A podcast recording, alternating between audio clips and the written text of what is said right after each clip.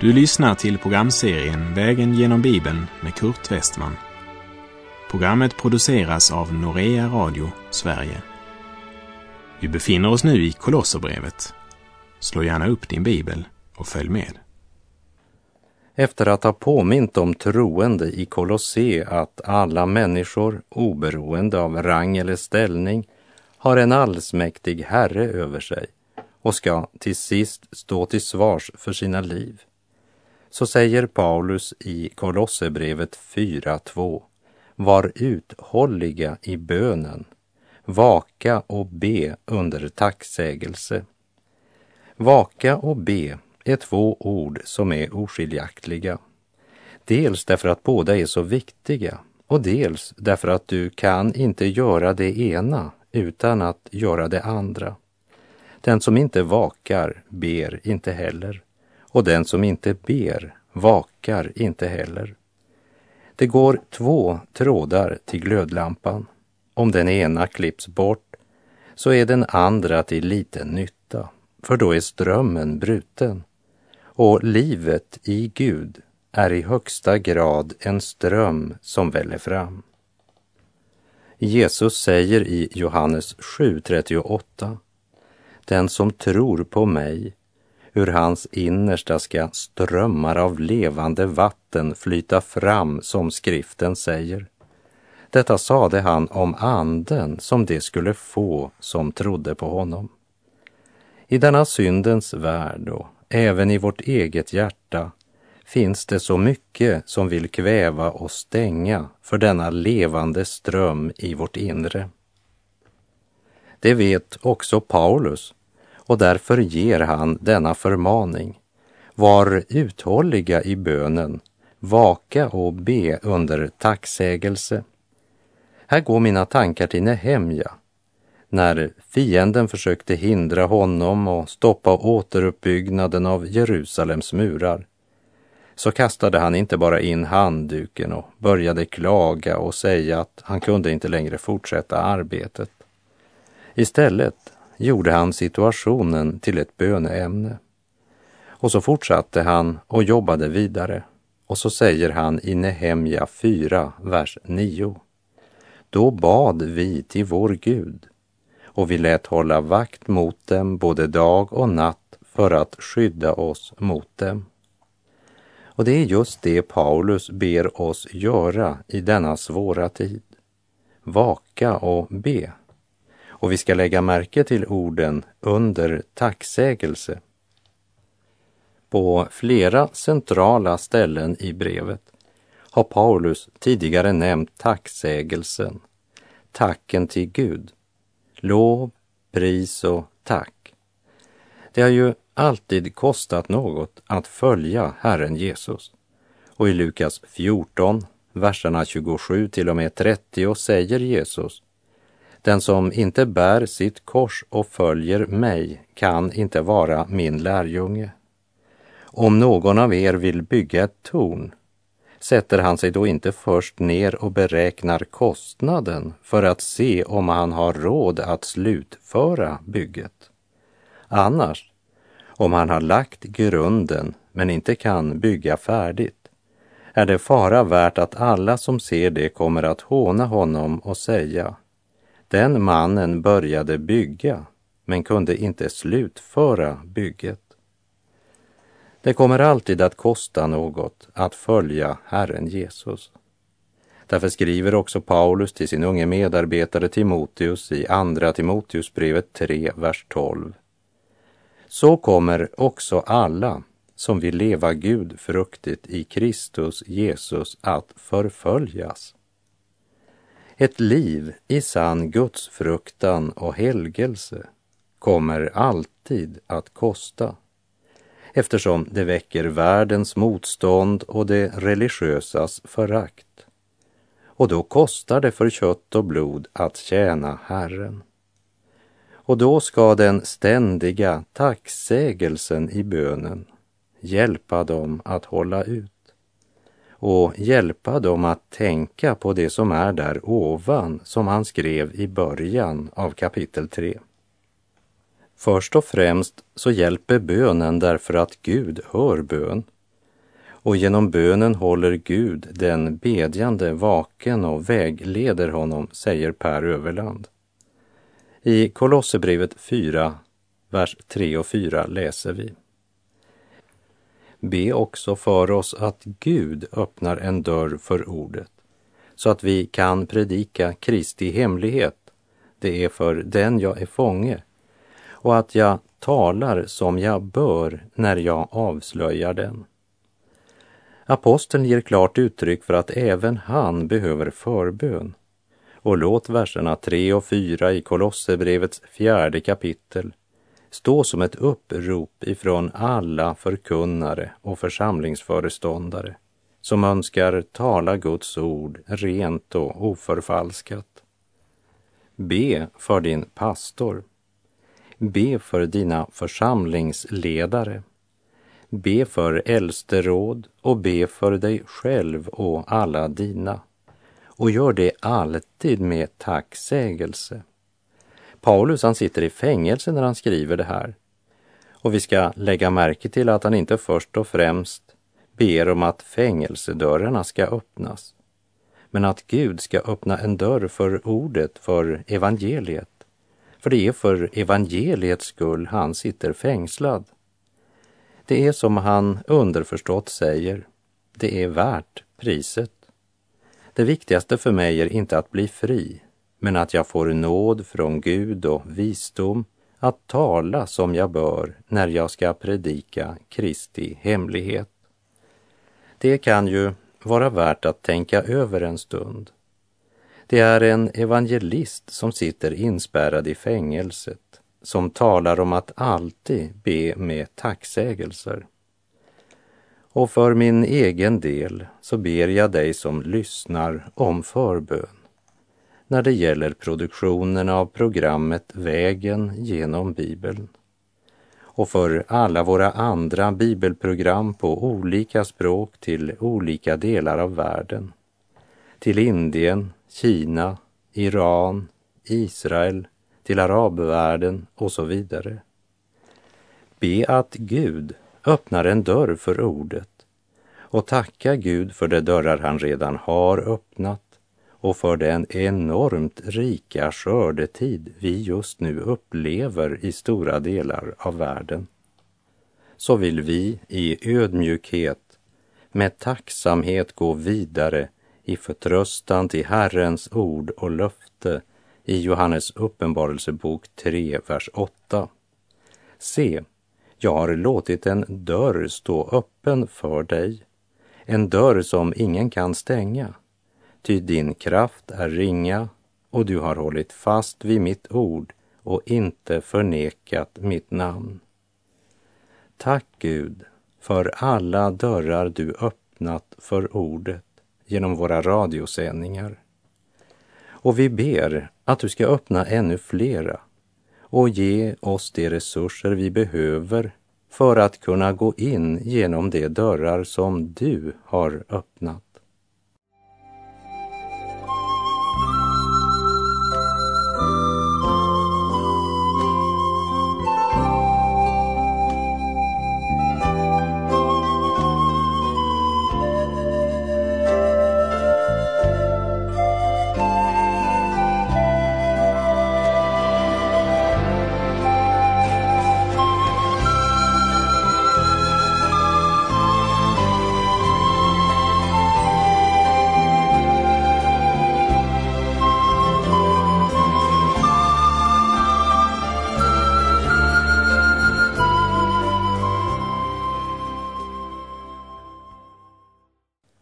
Någon har sagt att en kristen ska vara främmande för världen men inte främmande för verkligheten. Och Guds ord säger att ett Guds barn ska inte anpassa sig efter den här världen utan låta sig förvandlas genom sinnets förnyelse så att vi kan pröva vad som är Guds vilja, som det står i Romarbrevets tolfte kapitel.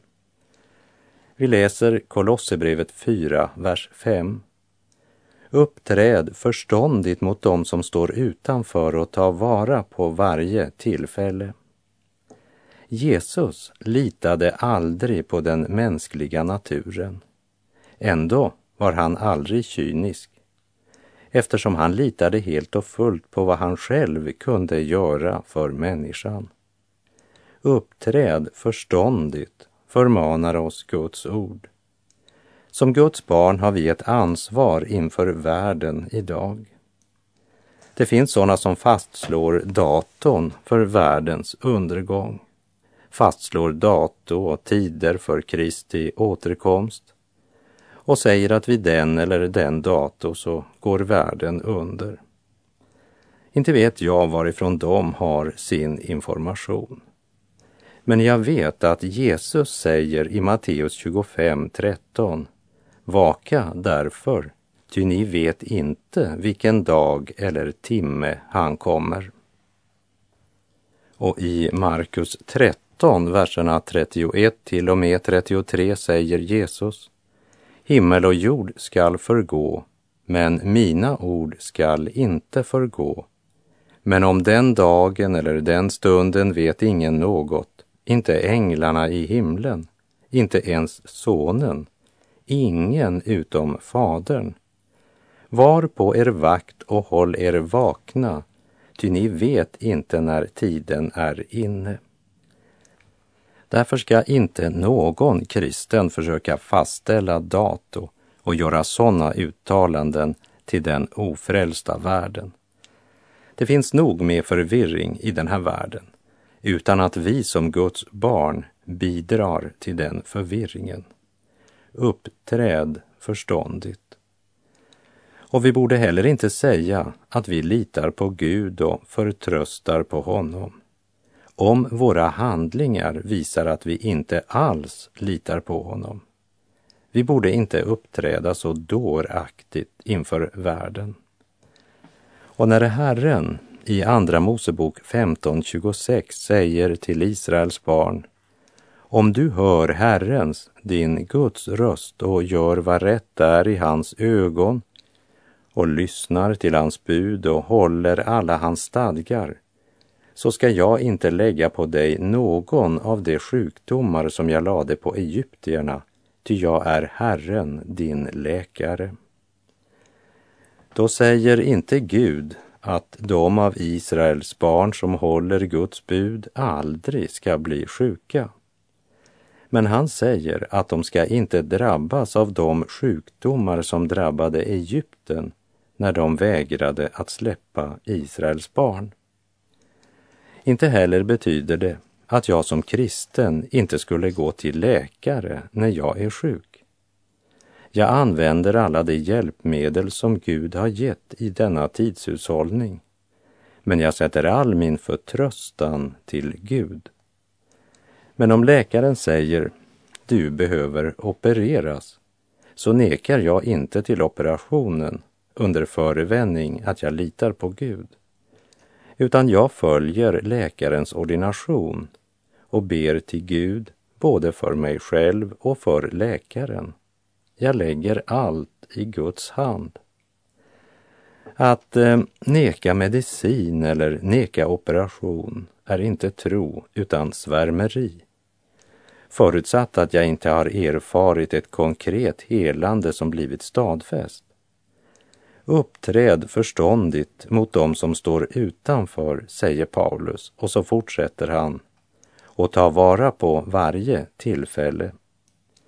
Ta vara på varje tillfälle. När du får ett tillfälle, så be Gud om visdom att använda tillfället rätt. Be Guds helige ande leda dig. Kasta dig inte över folk. Tvinga dig inte på någon. Men var öppen för de tillfällen som är givna av Gud. Be om nåd, visdom och inte minst mod att vandra när Gud lägger en gärning färdig i din väg. Som Paulus skriver i Efesierbrevet 2, vers 10. Ty hans verk är vi, skapade i Kristus Jesus till goda gärningar som Gud har förberett, så att vi ska vandra i dem. Eller som han skriver här i Kolosserbrevet 4.5, ta vara på varje tillfälle. Tvinga dig inte på folk, utan be bara till Herren att han öppnar en dörr och han kommer att öppna den.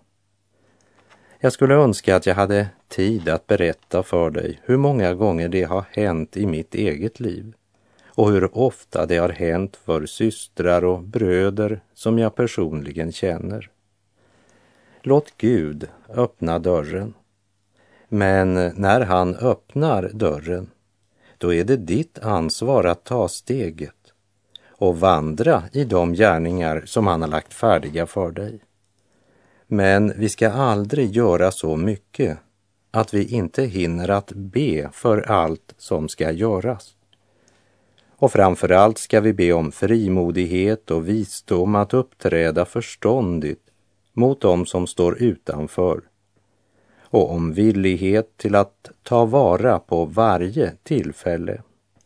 Därför säger också Paulus i Kolosserbrevet 4, vers 6. Ert tal ska alltid vara vänligt, kryddat med salt så att ni vet hur man bör svara var och en. Det finns de som har missförstått det här ordet totalt och tror att det står ert tal ska vara salt. Och så låter de saltet svida när de kastar ut sina sarkastiska anmärkningar. Men ordet säger alltid vänligt, kryddat med salt. Saltets gärning är inte att förbittra, men att bevara. Utan salt så ruttnade offerköttet. Saltet var absolut nödvändigt för att bevara offerköttet, hindra förruttnelsen. Ett Guds barn skulle alltid handla och tala så att det avskräcker från det som är ont. Alltid vänligt men kryddat med salt. Kryddat med salt så att vi hindrar baktalelse och skvaller. Kryddat med salt så att synd blir avslöjad som synd. Kryddat med salt så att vi inte blir smaklösa, intetsägande. Ingen kan ställa sig likgiltig till det tal som är kryddat med salt och ändå alltid vänligt. Ert tal ska alltid vara vänligt, kryddat med salt så att ni vet hur ni bör svara var och en. Det är ingen tillfällighet att precis innan han talar om att vårt tal ska vara vänligt, kryddat med salt, så säger han uppträd förståndigt.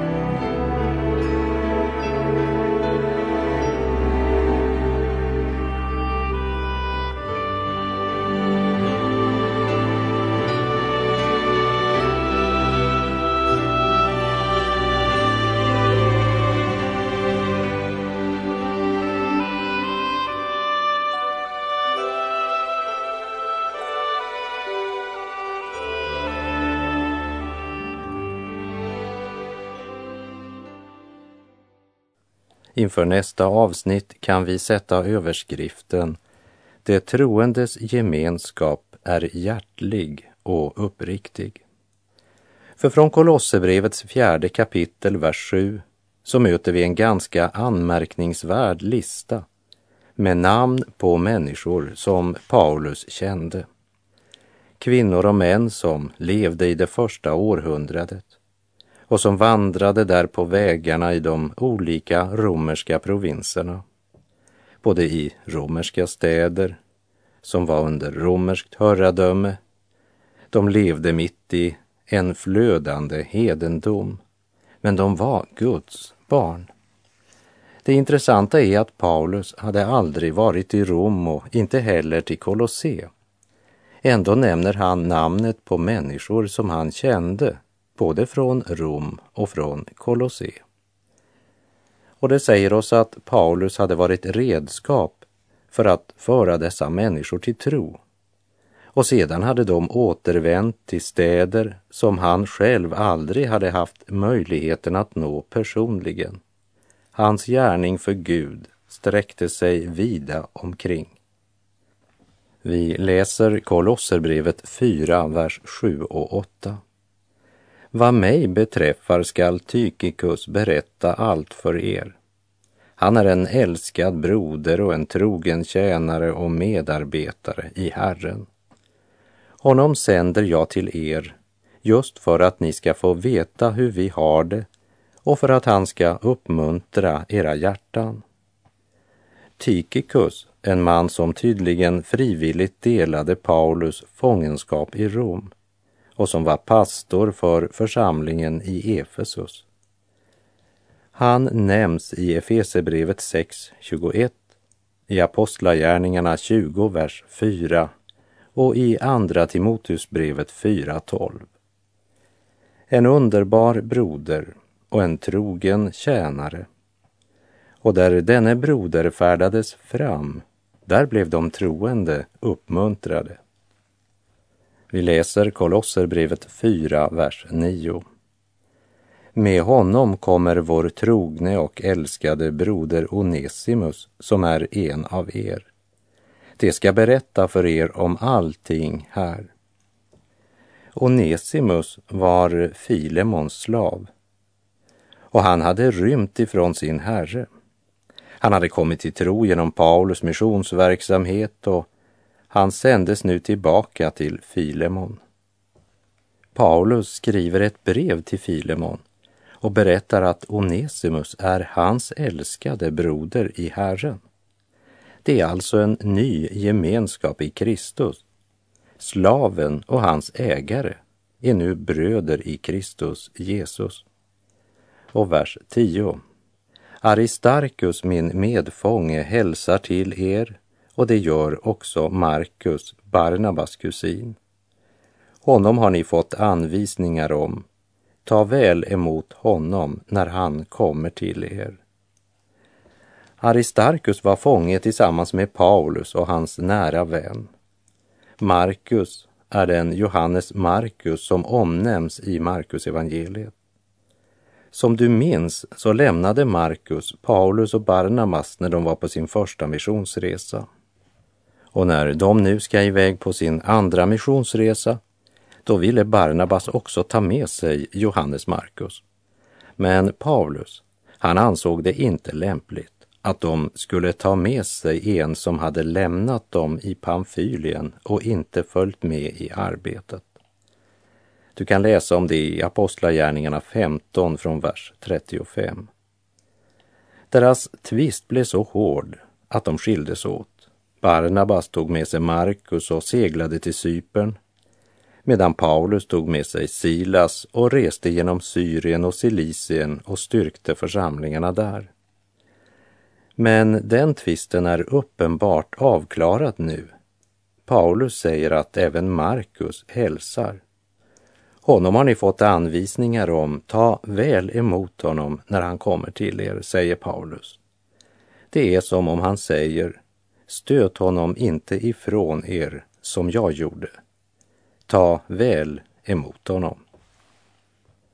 Och i sitt andra brev till Timoteus säger Paulus följande om Johannes Markus. Andra Timoteusbrevet 4, vers 11. Ta med dig Markus hit han är till hjälp i min tjänst. Vi ska inte nämna alla som Paulus nämner, men låt oss ändå även lägga märke till de personer som nämns vid namn i resten av kapitel 4. Kolosserbrevet 4, verserna 11 till och med 18. Jesus, som kallas Justus, hälsar också. Bland de omskurna är dessa mina enda medarbetare för Guds rike. Det har varit till tröst för mig. Epafras, som är en av er, hälsar. Han är en Kristi Jesu tjänare som alltid kämpar för er i sina böner, för att ni ska stå fasta, fullkomliga och helt övertygade om allt vad Gud vill. Jag kan intyga hur mycket han arbetar för er och för dem i Laodikea och Hierapolis.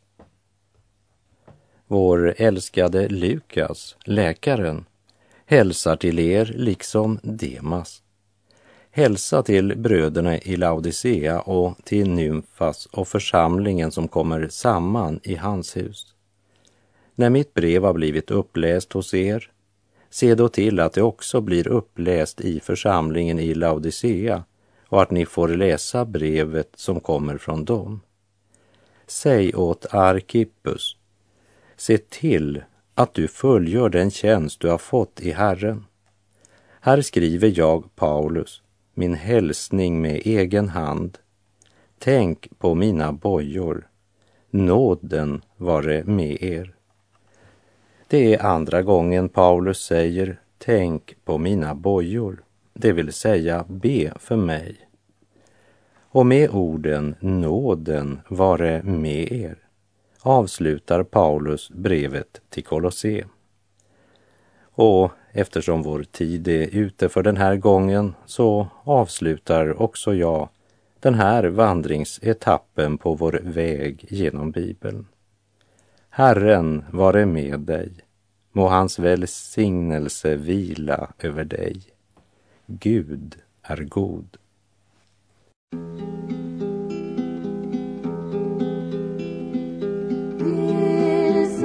forma.